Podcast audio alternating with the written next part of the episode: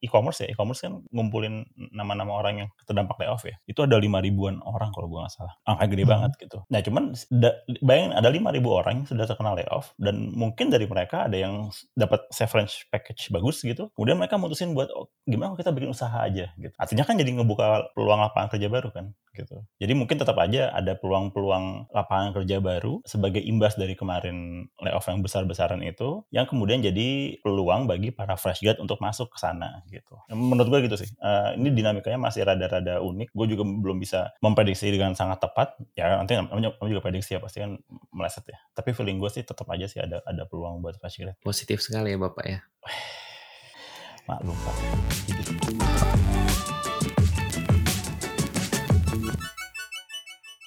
Nah, buat teman-teman, jangan lupa untuk follow kita. Tapi nggak cuma follow di Spotify doang, karena kita ada di Instagram dan juga ada di Twitter. Instagram kita ada di okr.id dan di Twitter itu adalah okr underscore id. Jadi jangan lupa untuk follow kita dan pantengin update-update dari kita semua. Malam Pau. Malam Ram. Selamat malam. Malam. Emang harus malam nggak bisa oh, pagi? iya, ini gue kan gue bercandaan. Gue sosok malamnya padahal kan pagi ya kita. Ny nyanyi nggak? Malam-malam aku sendiri. Anjir. Gue gak tahu tuh lagu siapa sih itu. Kamu gak tahu? Gue aja tahu. Waduh. Jangan sosokan nggak tahu deh. Itu lagu, lagu Niki ya? Niki. Niki, iya Niki. Niki asli ya, kan? Iya. Niki iya. Atau ini Niki Udon. Apa Niku udah. Niku, Niku. Aduh. Niku anjing. Kurang nih produk knowledge-nya Maruga kurang nih. Maaf, maaf, maaf. Gak, Nggak, soalnya kan kalau malam-malam sendiri kan biasanya dingin gitu iya. kan. Kalau dingin ngapain biasanya? Dan dingin-dingin biasanya hubungannya sama apa? Winter. jadi hari kita bakal ngebahas ini ya. Aduh, gue pengen bercandaan K-pop tapi juga yang nyambung nggak ada ya. Nggak jadi, nggak jadi, nggak jadi. Kalau tergantung. Tergantung ya. Apa, apa nih pak? Apa nih pak? Gak, semuanya bercandaan K-pop gue tahu. Oh ya oke oke. Ya kan anggotanya Espa kan Winter kan namanya kan. Waduh itu nggak tahu gue kalau Espa. Contohnya Espa tuh ya kalau nggak Primavera Sprint kan udah kan di episode sebelumnya kan? Oh iya bener-bener udah ya. Udah ya. Habis itu lu habis itu nggak ada yang nggak ada yang kadang-kadang nggak ada yang tahu. Gue nggak mau lagi mulai kesalahan yang lama. Jadi kita mau bahas winter nih. Ini sebenarnya ya, ini sebenarnya topik yang kita udah kepikiran dari beberapa episode sebelumnya. Cuman kita momen, menunggu momen. Menung, bukan menunggu momen sebenarnya, menunggu kesiapan. Mm -hmm. Betul. Karena momennya udah dari, dari kapan? Dari masuk Q4 lah. Masuk Q4 kita udah bahas ini gitu. Cuman kita siap gak ya untuk untuk ngebahas ini gitu. Betul. Ya ini topiknya tuh topik berat. Betul. Jadi suara mesti kayak gitu ya, mesti agak. Iya harus harus direndahin gitu, biar kayak lebih berwibawa gitu kan. Gue malah ngerasa vibe-nya sedih gitu, Pak. Oh iya lebih sedih ya. Salah dong gue.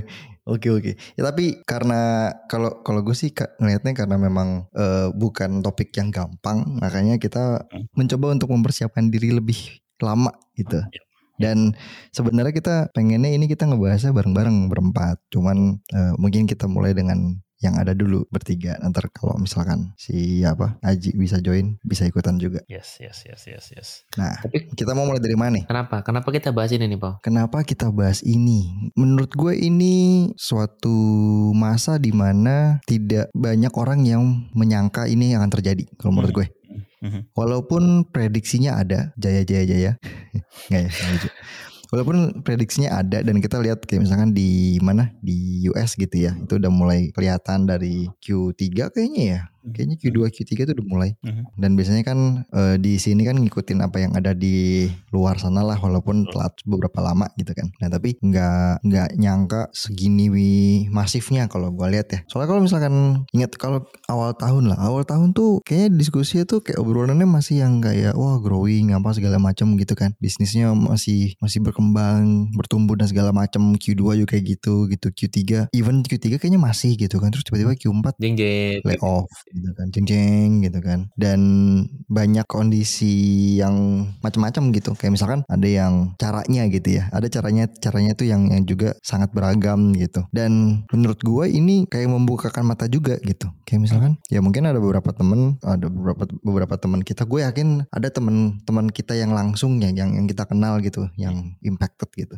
Yep Yep. Dan gue mungkin nggak nggak bisa membayangkan langsung gitu kan. Tapi gimana ya lu lu bayangin aja kayak misalkan nggak ada angin nggak ada hujan gitu kan. Tahu-tahu apa yang lu apa yang lu kerjain, apa yang lu punya plan gitu kan. Nggak bisa lu nggak bisa dilanjutin gitu. Bukan karena kemauan lu Mhm. gitu kan. Ya pasti nggak gampang gitu me- menerimanya kan. Walaupun misalkan lu dapat kayak severance package atau kayak package tertentu gitu, tapi tetap aja kan nggak gampang untuk nerimanya. Kalau gua m- mencoba membayangkan gitu. Ya kata orang ya ini ya jangan khawatir ini bukan akhir gitu kan. Tapi eh di sini bener-bener yang ngetes. Kalau gua ngeliatnya ngetes ke, ke kesiapan dana darurat kita. Kalau gue lihat ya Iya iya benar-benar. secara realistis. Kalau menurut kalian gimana? Gue setuju sama poinnya Pau tadi ya soal apa namanya. Eh ternyata industrinya tuh memang kan kayak mungkin 5 lima sepuluh tahun belakang gitu kan para industri-industri startup ini kan kiblatnya pada eh, growth ya growth mindset gitu. Ya ternyata memang setelah sekian lama baru terbukti bahwa si growth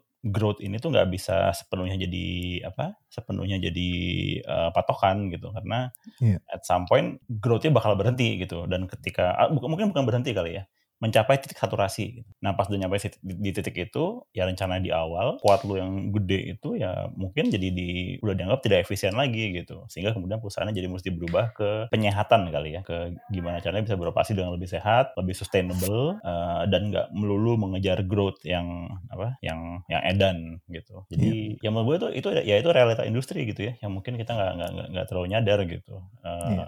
Tapi kacamata kacamatanya berubah kali ya apa eh, dari yang mungkin sebelum kan kalau kita lihat bisnis secara konvensional kan bener-bener ngelihatnya eh, cash flow-nya Hmm. hijau gitu maksudnya pemasukannya tuh lebih Profit. besar daripada pengeluarannya gitu kan. Ya kita belum ngomongin profit lah kan kalau profit udah bersih gitu kan. Tapi at least sehat dulu nih cash flow-nya jadi nggak terlalu jor-joran eh, spending untuk mendapatkan apa eh, growth di masa depan gitu kan. Betul. ini kan kayak lebih ya kalau kita mau jualan mungkin- sekarang jadi mulai kayak bisnis konvensional gitu. Gimana kita punya modal 100 kita jualnya itu ya di atas 100 jangan di bawah 100 jangan jual rugi gitu. Betul. Hmm, menurut gue lebih kayak mencari titik lebih balance-nya sih antara growth dan juga hijau. ya atau bahkan bisa growth dan hijau gitu kan. Hmm, itu ideal banget kan. atau kebalik lagi hijau dan growth gitu. Maksudnya bukan bukan growth bukan growth first tapi hijau dulu baru growth gitu. Ya. karena kalau kita ngomongin winter kemungkinan besar just to just to barely survive itu udah cukup gitu. Dan apa? Ya itu maksud gua kalau ini kan masalah masalah prioritas ya gitu. Waktu di awal memprioritaskan growth gitu kita pengen growth edan-edanan gitu ya mungkin lu akan melakukan berbagai cara yang agak sporadis gitu kan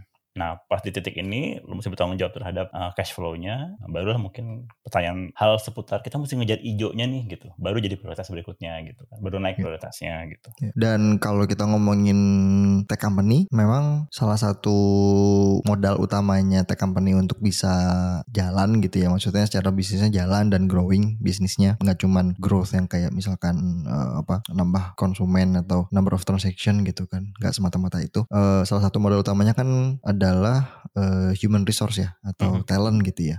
Mhm. Dan ya mungkin kalau gua observasi gitu kan, yang melakukan eh, perampingan ini ya ada kemungkinan mu- sebelumnya dia kayak cukup optimis untuk hiring lebih banyak gitu kan, atau Mhm. Mhm. atau spending lebih banyak untuk untuk hire gitu kan. Jadi bisa dilihat dari volume jumlah hire-nya atau spending per hire-nya yang eh, lumayan jor-joran gitu. Karena ada ada ada juga teman gue yang eh bukan teman sih sebenarnya, ya teman-teman gitu, bukan bukan teman langsung. Eh, gue diceritain, ya ada satu waktu dia da- dapat satu offer dari satu company, offernya bagus banget gitu kan. Kayak ridiculously atau crazily big gitu Mhm. offernya secara apa ya benefit finansial per bulannya gitu yang dia dapat. Eh tapi nggak berapa lama akhirnya eh, bisnisnya tutup Hmm. Hmm. Mhm. gitu. Mhm. Jadi ya mungkin itu juga salah satu ini ya, salah satu poin juga yang kita bisa pelajarin. Mungkin sekarang jadinya gimana menyikapi winter ini adalah kalau misalkan masih apa lagi lagi ada opening, mungkin yang perlu kita lihat itu nggak cuman semata-mata apa yang gue dapat gitu Mhm. per bulan, tapi kayak misalkan seberapa sustain sih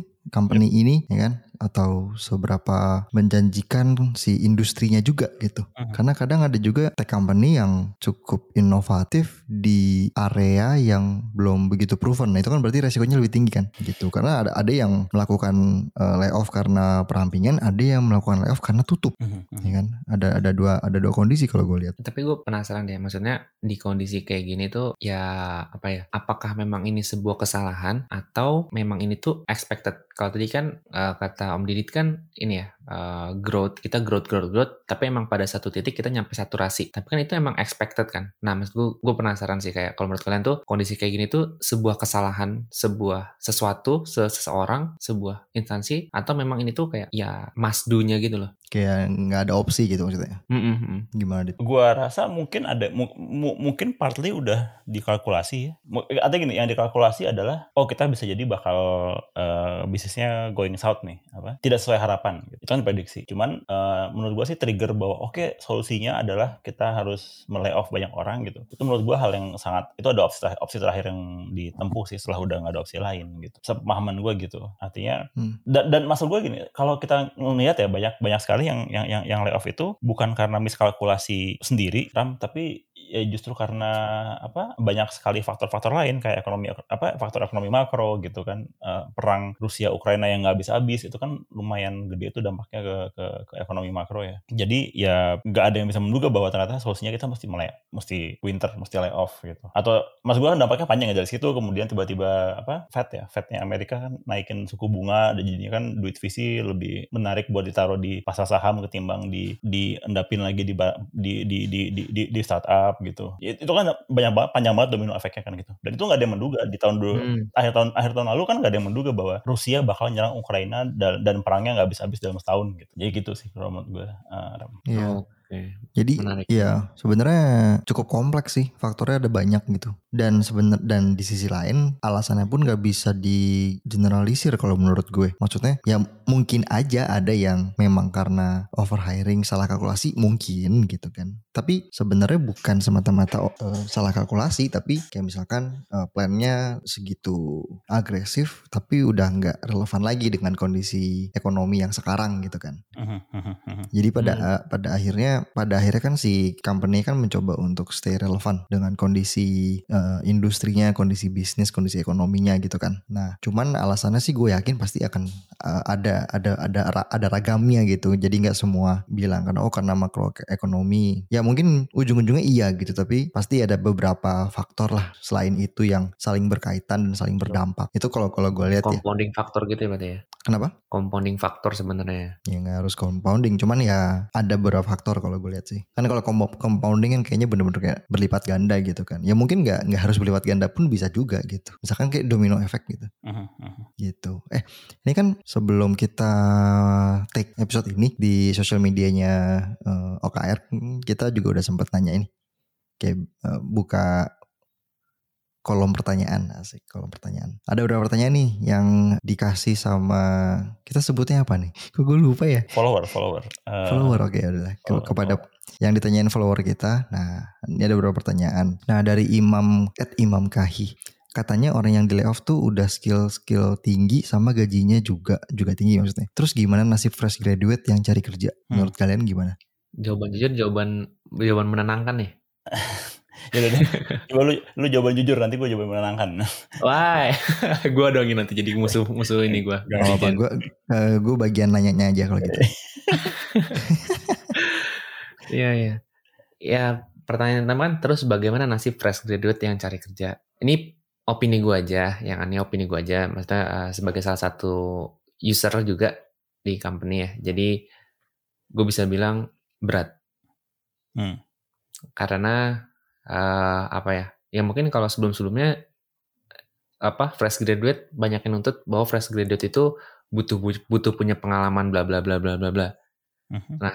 kalau yang sekarang masih ngeluh kayak gitu dan mereka nggak ngelakuin apa-apa itu malah impactnya lebih parah sih karena bener-bener dengan kondisi kayak gini tuh pertama dari segi saingan itu makin banyak ya kan makin banyak parah dari yang yang kedua dari segi supply eh sorry dari segi demand demand itu maksudnya company-nya ya Hmm. itu juga mereka nggak mau nggak mau spend banyak untuk ngelatih gitu jadi mereka pinginnya oh gi- gimana mereka punya punya employee ataupun ya pasukan yang udah udah kuat gitu kan udah kuat dan bisa nebein dari winter ini gitu loh. Jadi ya gue bisa bilang underline-nya berat sih, jadi menurut lu berat nih uh, Ram ya berat berat.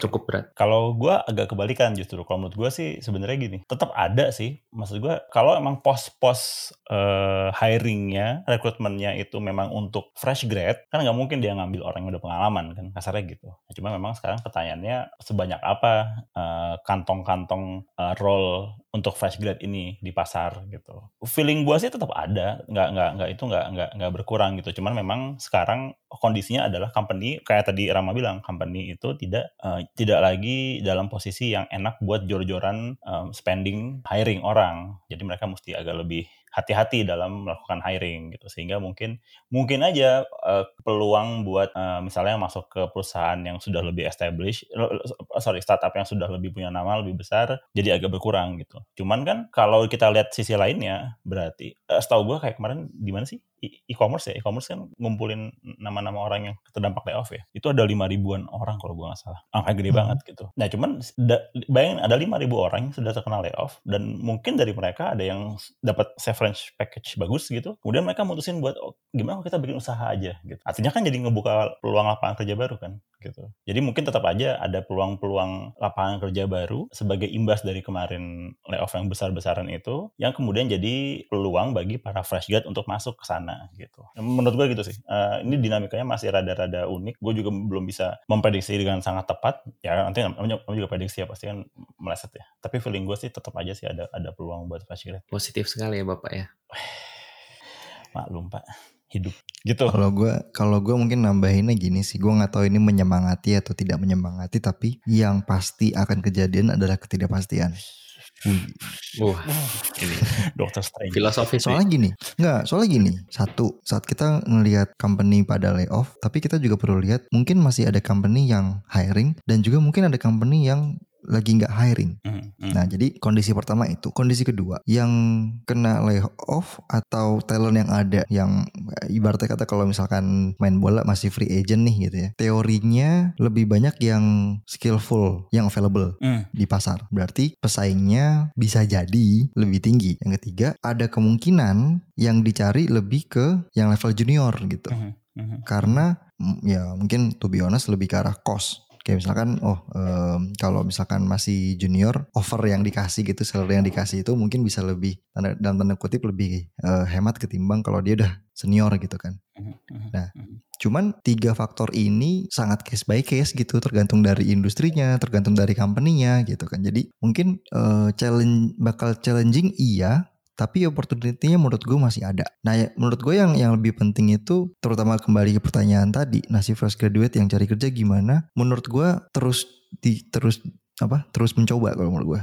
Terus mencoba, terus tingkatin kualitas diri gitu. Kayak misalkan bikin portfolio apa eh, ngebangun portfolio, ngebangun networknya juga gitu karena menurut gue untuk dapetin uh, kerjaan juga bukan masalah portfolio tapi juga network ya Nah jadi selagi nyari coba build networknya, coba build portfolionya itu yang bakal ngebantu uh, teman-teman fresh graduate untuk bisa dapat kerja. Nah di sini gue nggak tahu nih ini sebenarnya menyemangati atau tidak menyemangati, cuman menurut gue poin-poin ini bakal menarik nih dilihat di tahun depan. Oke. Okay. Oke. Okay, pertanyaan berikutnya dari mirip-mirip nih ya sebenarnya. Iya nih, hmm, dari Ed Denny dan Denny. Ini maksudnya dua orang ya, Denny sama Denny dan Denny. Um, kalau head suatu divisi juga ikutan kena layoff, gimana nasib produk dan anak buahnya yang nggak kena layoff? Pindahin ke sub lain atau produk lain. Tapi kalau sub itu nggak butuh orang gimana? Ada yang hmm. ini nggak? Ada yang mau komen nggak? Kalau menurut gue ini case by case sih.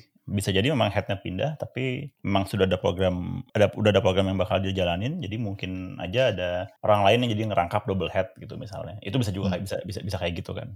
Itu kayak ini ya kayak uh, kayak komik biliar tuh double headed snake. Breakshot, breakshot double headed trick shot. GG. Wah anjir kalau udah tahu nih mesti ini cepetan medical check up lah. Thank you loh. Generasional. Ya Pak bisa kayak gitu. Tapi ya mungkin juga memang ada anak buah jadi dipindah itu bisa juga. Tapi ya, ya ini kayak sebagai case by case banget. Iya. Tergantung ini sih kalau menurut gue tergantung dari uh, reasonnya itu sih. Kayak apakah apakah headnya kena layoff karena orangnya atau produknya karena eh, gue ngeliat ada ada ada beberapa kondisi di mana oh karena mereka mau fokus ke bisnis yang A maka in, uh, inisiatif yang B itu mau ditutup dulu jadi tim yang ada di B berarti ya kena impact atau ke- eh, bakal dipindahin ke yang A gitu. Kayak gitu sih contoh-contoh case-nya. Hmm, hmm. Hmm. Oke. Dari gue sih ini nggak nggak nggak nggak ada jawaban sebenarnya. Jadi kayak eh, everything's possible gitu nggak sih? Nah itu dia makanya itu dia. Eh, ada lagi pertanyaan dari In Space Otaku. Wah, kalau namanya Otaku kayaknya suka ini nih, suka Latin nih kayaknya. Suka tarian salsa gitu atau Oh, flamingo Oh iya, iya, biasa gitu. ya. Atau samba. Pengagum budaya Latin ya biasanya. Iya, terutama sambanya itu sambalado. Bener nge NGG gimana sih baca nge ya? Enggak. Enggak. Oh enggak. Bener nge kak?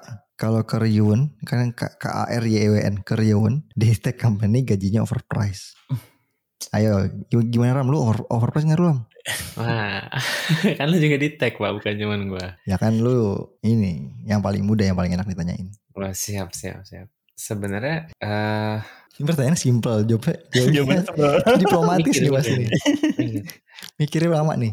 Hmm, gue takut bias aja sih karena gue di, di di tag gitu ya. Tapi kalau misalkan gue bisa bilang sih nggak overprice. Alasan utamanya karena memang pada saat eh, apa? Ini ngomongnya tech tech tech company kan ya. Karena Mm-mm. ketika kita ngomongin tech company yang sekarang eh, yang lagi booming booming kayak gini tuh eh, requirement-nya sangat jauh berbeda dengan yang ada dulu. Hmm. Jadi memang price yang dibayar apakah apakah apakah lebih besar daripada sebelumnya? Iya, gue bisa bilang eh, iya wala- wala- walaupun gue belum ngerasain zaman-zaman sebelumnya ya. Cuman gue bisa bilang iya sih. Tapi hal tersebut karena memang secara responsibility, secara apa yang dikerjain itu udah totally different dan apa ya kayak ya kita aja nggak suka gitu kita eh, dikasih kerjaan lebih banyak, lebih besar, lebih susah, tapi gajinya sama. Kan kita kita juga nggak mau kayak gitu dong Mhm. dan itu kita malah ngomong underpaid ya kan jadi kalau misalkan dikasih ya I think lumayan fair nggak sih kalau company itu ngasih kayak ya emang harga segitu untuk hal yang kerjaan susah gitu loh Hmm. itu sih kalau menurut gue ya, Oke. Jadi memang ada rupa ada ada harga ada rupa gitu. masuk Oke. Ka- Kalau gue justru punya opini lain karena gue abis kemarin abis ngobrol-ngobrol sama temennya eh, istri gue ya. Dia kerja di company yang non tech gitu. Hmm. Ternyata dia cerita karyawan-karyawan di tempat dia juga gajinya gede-gede banget gitu. Gede yang edan kan segitu gajinya gitu. Jadi menurut gue sih faktor gajinya gede banget itu eh, nggak melulu cuma di tech company aja gitu. Jadi itu stigma yang kalau menurut gue sih sebenarnya nggak nggak segitunya sih. atau karena hitungannya per bulan ya pak ya Hitungannya per bulan eh, ya mungkin juga sih, mungkin juga, mungkin. Kalau kita hitung per tahun sebenarnya sama-sama aja kan Harusnya apa per dua, per dua minggu? kayak sprint satu sprint digaji Oh iya juga ya. Gue juga dia. Carry over. Oh berarti gaji carry over juga. Gaji carry over. Sedih. Sedih. Kenapa kok kita nggak belum digaji? Ah, ada blocker. Nah, ya udah karena broker tolong tolong gajinya broker juga. J- jangan ngasih ide ke ini dong ke apa nanti kalau ada ada manajemen denger di dilakuin kayak gini kan yang PR kita nih oh iya bener bener. Salah kita ya. Nah, nanti kalau gitu. Oh. Oke, pertanyaan lagi nih dari IG Etanoshikute. Wah, kalau namanya Tanoshi ini pasti dia sukanya Italia nih. Dari tadi salah mulu. Aku sering banget baca di sosmed. Pertanyaannya sosmed mana nih? Dengar-dengar di podcast juga. Wah, podcastnya OKR nggak? Emang iya gaji karyawan di tech startup itu gede banget sampai dibilang merusak pasar.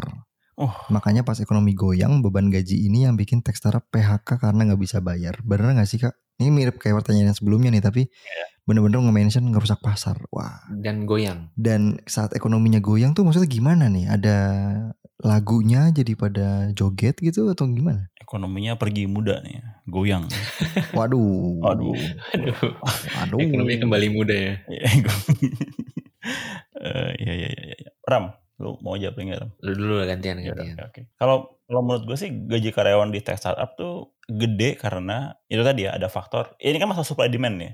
Begitu supply-nya nggak terlalu banyak tapi demand-nya gede pasti kan jadi mesti ada faktor lain yang buat mengkatrol penawarannya kan sehingga kemudian jadi bentuknya ya gaji yang gede-gede itu gitu. Tapi kalau dibilang sampai merusak pasar menurut gua enggak. Merusak itu adalah kalau harganya jadi semua jadi ngaco gitu. Itu itu menurut gua merusak. Tapi gini kalau kita ngomong merusak, gua ngambil gua asumsikan ini yang denger yang ngomong adalah uh, developer. Jadi kita ambil konteks developer dulu aja kali ya. Zaman dulu developer kan gajinya kan kecil-kecil ya. Tapi kerjanya sabrek ya. Dari mulai ngoding sampai benerin printer gitu. Sekarang benerin wifi. Sekarang software itu dilihat yang tadinya software itu dilihat sebagai beban. IT itu adalah beban. Nah sekarang IT dilihat software dilihat sebagai enabler buat bisnis. Jadi posisinya tuh sangat core dalam bisnis flow sebuah perusahaan startup gitu. Maka menurut gua nggak nggak salah kalau gajinya digedein karena mereka pengen uh, karena mestinya developer itu tanggung jawabnya gede ya ya wajar kemudian diganjar gaji yang lebih besar daripada sebelum-sebelumnya gitu. Hmm. Nah, ya kalau dibilang merusak ya menurut gua enggak karena kan ini jadi ngasih tahu ini ini loh kalau lu pengen start eh, kalau lu pengen software punya posisi yang penting dalam bisnis lo ya segini nih kalau lu mau bayar developer ya segitu gitu. Itu menurut gue ya. Hmm, karena adanya switch tadi ya, switch dari support jadi jadi core ya. Betul, betul, betul. Cool. Ini episode yang dingin ya. Ini kayak kita jangan-jangan kita rekaman dengan suasana sedingin ini, literally. Karena emang lagi dingin juga, Pak. Dingin banget, betul. Iya, lumayan, lumayan. Iya. Tadi sampai akhir tahun ya. Iya, karena lagi dingin, jangan lupa hangatkan kondisi kita-kita semua ini dengan cara memfollow OKR di Spotify. Ya, jangan lupa follow kita di Spotify. Terus kita juga ada di Instagram sama di Twitter. Oh iya. Instagramnya OKR OKR uh, .id sama di Twitter OKR underscore ID. Eh apa kebalik ya? Betul, betul. Bener oh, sih? Kok gue lupa. Bentar, di Twitter, eh di Instagram OKR.id. Di oh, Instagram OKR.id, Twitter OKR underscore ID. Lupa. Kalau salah gimana? Kalau salah meledak loh, ini hati-hati. Tapi jangan cuma follow, Pak. Maksudnya Apa? tanyain aja. Tanyain, tanyain. Oh. tanyain, tanyain. Sekarang kan kita pingin apa ya? Banyak berengage, banyak berinteraksi dengan ah, para follower dengan teman-teman gitu. Jadi kalau kita posting atau kita nggak posting pun sebenarnya boleh nggak apa-apa komen-komen aja, nanya-nanya, reply, uh, ngirim DM bahkan gitu. Uh, kalau pengen ada request topik atau pengen uh, nanya-nanya sesuatu hal yang hubungan dengan karir, startup dan kawan-kawan di tech industry ini, kita terbuka buat ngobrol. Gitu. Siapa tahu bisa jadi bahan topik episode berikutnya kan. Oke, ada pertanyaan lagi nggak? Yang paling atas. Oh nih, pertanyaannya sangat-sangat menarik nih. Jadi pertanyaan dari Ed Bitwiz. Hikmah apa yang bisa diambil? Coba Ram. Dit. Gue sejujurnya, kalau gue nggak berani ngomong karena hikmah tuh istri temen gue. Kalau diambil nggak boleh, udah, udah, udah nikah soalnya. Gak Waduh. Oh jadi kalau belum nikah bisa diambil ya? Ya nggak bisa juga kan. ya terbuka lah terbuka, tapi kan nggak boleh udah nikah. Loh, tapi kan semuanya ada titipan, jadi nggak bisa oh. diambil tapi dititip. Ya kalau anda ngeliat seperti itu ya bisa juga sih pak. uh, Lo jadilah tukang parkir kan? Ah, Mereka tidak bangga tentang banyak mobil karena itu semua titipan. Oh iya sih. Mana mereka suka ngebalas kan? Ya balas balas balas gitu kan. Iya. balas, Suka suka suka me ngejudge orang lagi kiri kiri kiri buset. Ini orang. Aduh, oh iya ngeri juga ya kalau tukang parkir iya. ngomong kiri kiri gitu tangkap gitu. Iya, ya. padahal mungkin dia bukan kiri kan? Iya benar juga benar juga. Pintar juga lu kau. Hebat anak ITB ya.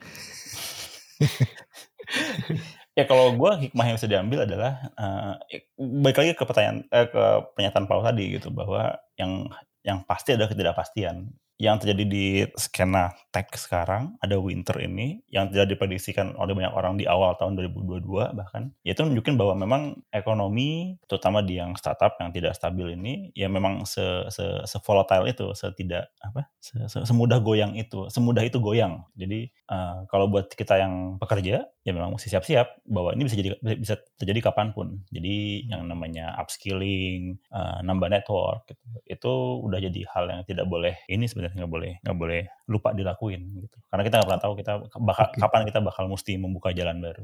Nah berarti berarti dengan kayak gitu pertanyaannya mungkin gue coba paraphrase. Dengan adanya gue nggak tahu ya gue bisa bilang ini fenomena atau enggak ya tapi dengan kondisi yang kayak gini sebenarnya apa yang jadinya perlu kita siapin untuk jadi investasi kita?